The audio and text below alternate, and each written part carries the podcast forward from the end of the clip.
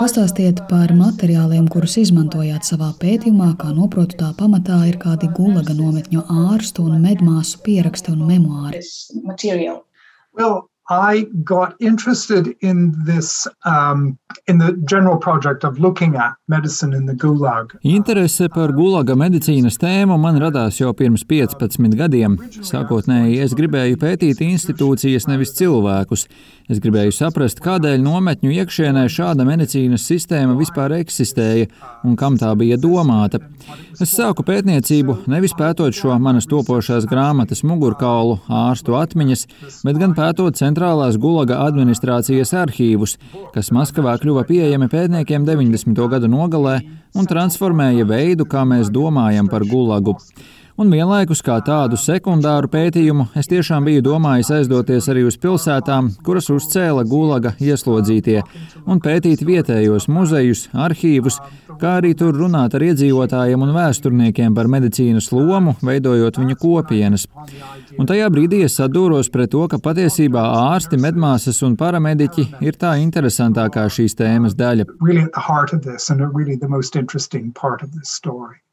Um, so Vēlāk, pētot savus materiālus, es atskārtu, ka visinteresantākās ir šīs gulaga ārstu atmiņas un dzīves stāsti. Tie pie manis nokļuva dažādās formās. Daļa ārstu paši ir rakstījuši savas autobiogrāfijas un atstājuši vēsturniekiem un gulagā izdzīvojušo kopienai. Tāpat mums ir dažādi ieraksti, jo vietējie jau 90. gados bija veidojuši intervijas ar mediķiem, kas strādāja gulagā. Un tas apkopo lielu daļu personīgu un privātu materiālu, kas neiekļaujas oficiālajā valsts arhīva krājumā par gulaga administrāciju. Tas, ko esmu pētījis, ir ļoti bagātīga un neparasta arhīvu kolekcija. Kind of collection of archives. But those memoirs, I understand, uh, they are not like uh, diaries. Bet šie jūsu pētītie ārstu memoāri nav kas līdzīgs dienas grāmatām vai piezīmēm tajā laikā, bet gan tās ir viņu rakstītās atmiņas krietnu laiku pēc darba gulaga nometnēs. Memory and everything else. Absolutely. And that's a really important point. Keeping a diary was virtually impossible. Jā, un to ir būtiski atzīmēt, jo rakstīt dienas grāmatu bija neiespējami gulagā. Pirmkārt, ārsti, kas strādāja nometnēs, parakstīja konfidencialitātes līgumus ar NKVD, un šie ārsti zināja, ka rakstot dienas grāmatu par savām pārdomām, viņi sev pakļauj āresta riskam. Savukārt ieslodzītie pilnīgi noteikti nevarēja veikt nekādus pierakstus. Tāpēc mums pētniekiem te jau vispār nav dienas grāmatu no gulaga, bet ir šīs pierakstītās ārstu atmiņas jau pēc kāda laika nogriežņa, kad cilvēki tika atbrīvoti no šīm nometnēm un izdzīvojušie atgriezās kopējā padomju sabiedrībā. Tātad šie materiāli vienmēr ir skats pagātnē un rada jautājumus, cik daudz atceramies - 10, 20, 30 un vairāk gadus pēc konkrētā notikuma, jo daudzi no manis pētītajiem ārstiem savas atmiņas nerakstīja līdz pat 80. gadiem. The 1980s, as I said. Tell me a bit uh, more about these doctors. Pastāstiet vairāk par šiem ārstiem, kas viņi ir, cik daudzi no viņiem ir dalījušies ar savām atmiņām piezīmēs, kāds ir viņu portrets. What's their portrait? The typical doctor um. Tipisks gulaga nometņu ārsts bija kāds, kas tikko ir absolvējis medicīnas institūtu un kuru izvēlējās absolventu komisijas, kas eksistēja Padomju Savienībā. Visiem, kas pabeidza medicīnas studijas, bija obligāti jākalpo valstī pāris gadus kādā vietā, kur valsts tos nosūtīja.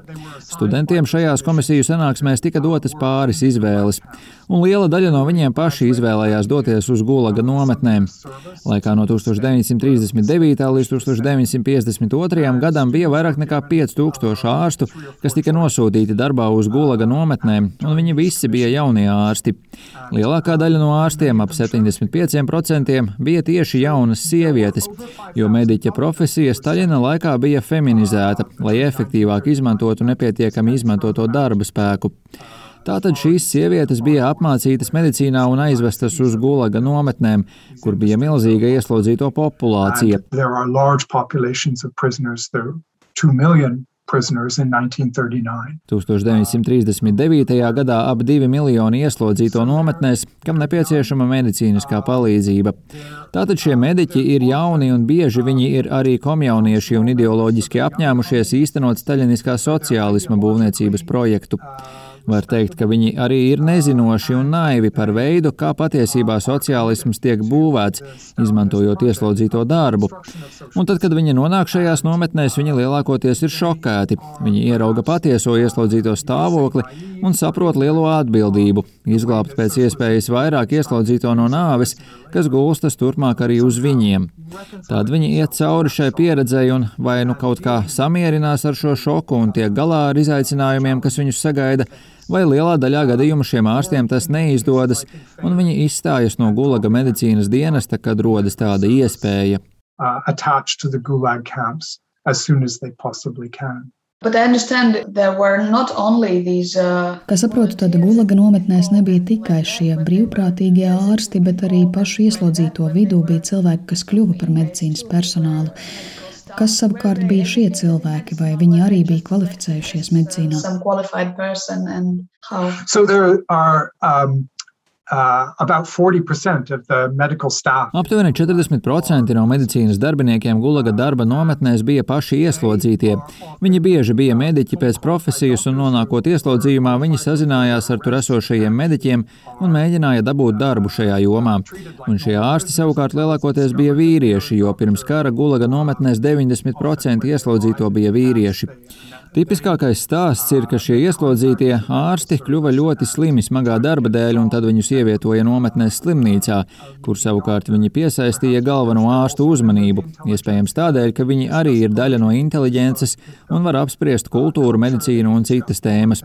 Līdz ar to viņiem tika atrasta kāda darba vieta, lai mācītos un teju ēnotu ārstus. Shadowing doctors and nurses and learning the trade through them.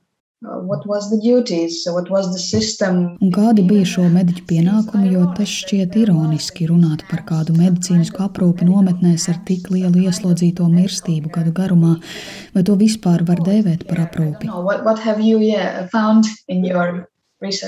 It's a very good question, and it leads us to the language of the bureaucrats who imagine the system. Tas ir labs jautājums, un tas mūs ved pie birokrātu valodas, kas iztēlojās šo sistēmu. Un viņi nekad nelietoja tādus vārdus kā veselības aprūpe vai medicīnisks. Viņi galvenokārt lietoja apzīmējumu sanitārā aprūpe. Viņi iztēlojās, ka tā ir sistēma, kas atbild par sanitārajām normām, un tad, kad ir tik liels cilvēku skaits mazā teritorijā, dažādu slimību un epidēmiju riski ir ļoti augsti, un ir arī higiēna higiēnas problēmas. Un šim sanitārajam servisam Gulagā bija vispirms jānodrošina šīs normas un arī jāsaglabā ieslodzīto spēju strādāt. So it was not about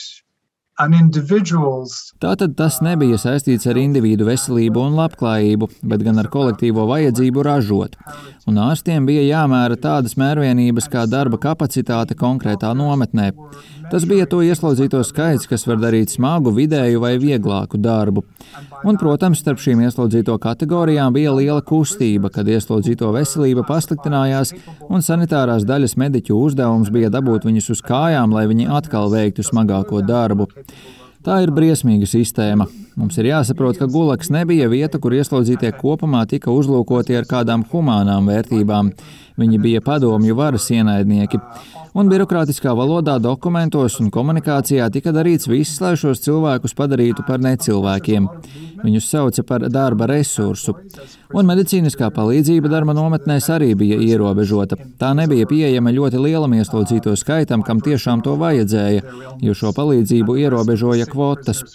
Ārsts varēja atbrīvot no darba ļoti mazu procentu slimo ieslodzīto no viņa pāraudzībā esošās nometnes. Savukārt pārējie, kas pie nometnes klīnikas stāvēja rindās, kas bija jāsūta strādāt.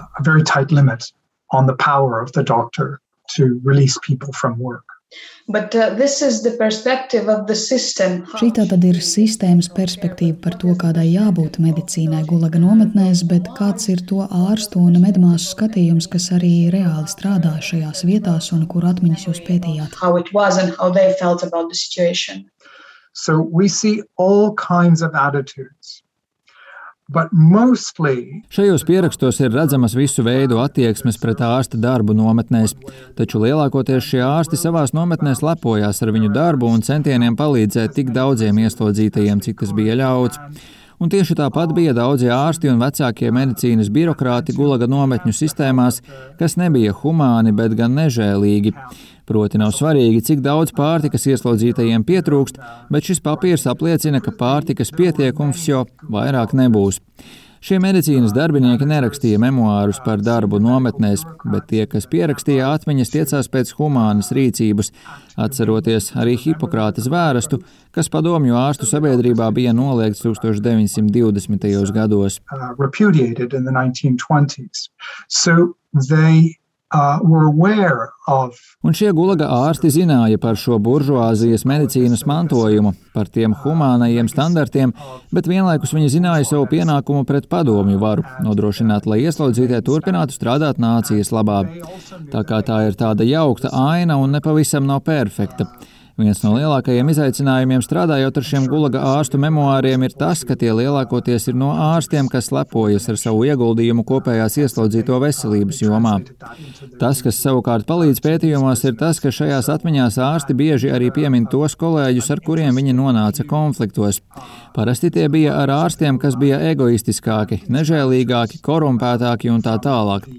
Rezultātā no šiem materiāliem veidojas interesanta aina par medicīnas birokrātiju gulaga nometnēs. Uh, Memoirs... Vai šajās ārstu atmiņās ir arī kādas piezīmes par pamata pienākumiem, kāda bija viņa ikdienas darbā? So, um, you have a very sophisticated system Tā bija ļoti smalka sistēma simtiem darba nometnēs visā Padomju Savienībā. Tajās nometnēs bija dažādas situācijas no mazām klīnikām ar divām gultām un vienu paramediķi līdz centrālām slimnīcām ar simtiem guļvietu, ar radioloģijas, ķirurģijas un infekciju nodaļām. Taču neticami daudz darba tika darīts šajās mazajās nometnēs ar mazajām klīnikām. Šo ārstu ikdiena bija no rīta uzņemt ieslodzītos, kas saslimuši pa nakti, un ārstiem bija jāizraksta vai jāatsaka atbrīvojums no darba. Tāpat viņiem vienlaikus bija jāsniedz neatliekamo palīdzību tiem ieslodzītajiem, kas cietuši kādos negadījumos. Dažkārt tas nozīmēja sūtīt šo cietušo uz advancētāku iestādi kādā centrālajā darba nometnē, un šim ieslodzītajam kopā ar sargu nereti bija jāmēro tālu ceļu ar vilcienu vai ar kājām, kas tam cietušajam varēja būt ļoti nepatīkams ceļš. Tāpat šiem mazo klīniku ārstiem bieži nebija vajadzīga aprīkojuma un arī pietrūka jebkādi medikamenti. Bieži viņiem bija tikai aspirīns, nelieli vitamīna C krājumi. Gulaga nometnēs ieslodzītajiem bija ļoti liels vitamīnu iztrūkums. Daudzi mira no kritiska vitamīna B trūkuma organismā, ko radīja ierobežotā diēta ieslodzījumā. From, uh, Daudzas no šīm gulaga nometnēm ir tālu aiz apdzīvotām vietām, tālu prom no vietām, kur vispār pārtiku var izaudzēt. Tas ir kā sūtīt cilvēkus ar ierobežotiem resursiem uz mēnesi, un tad viss izbeidzas.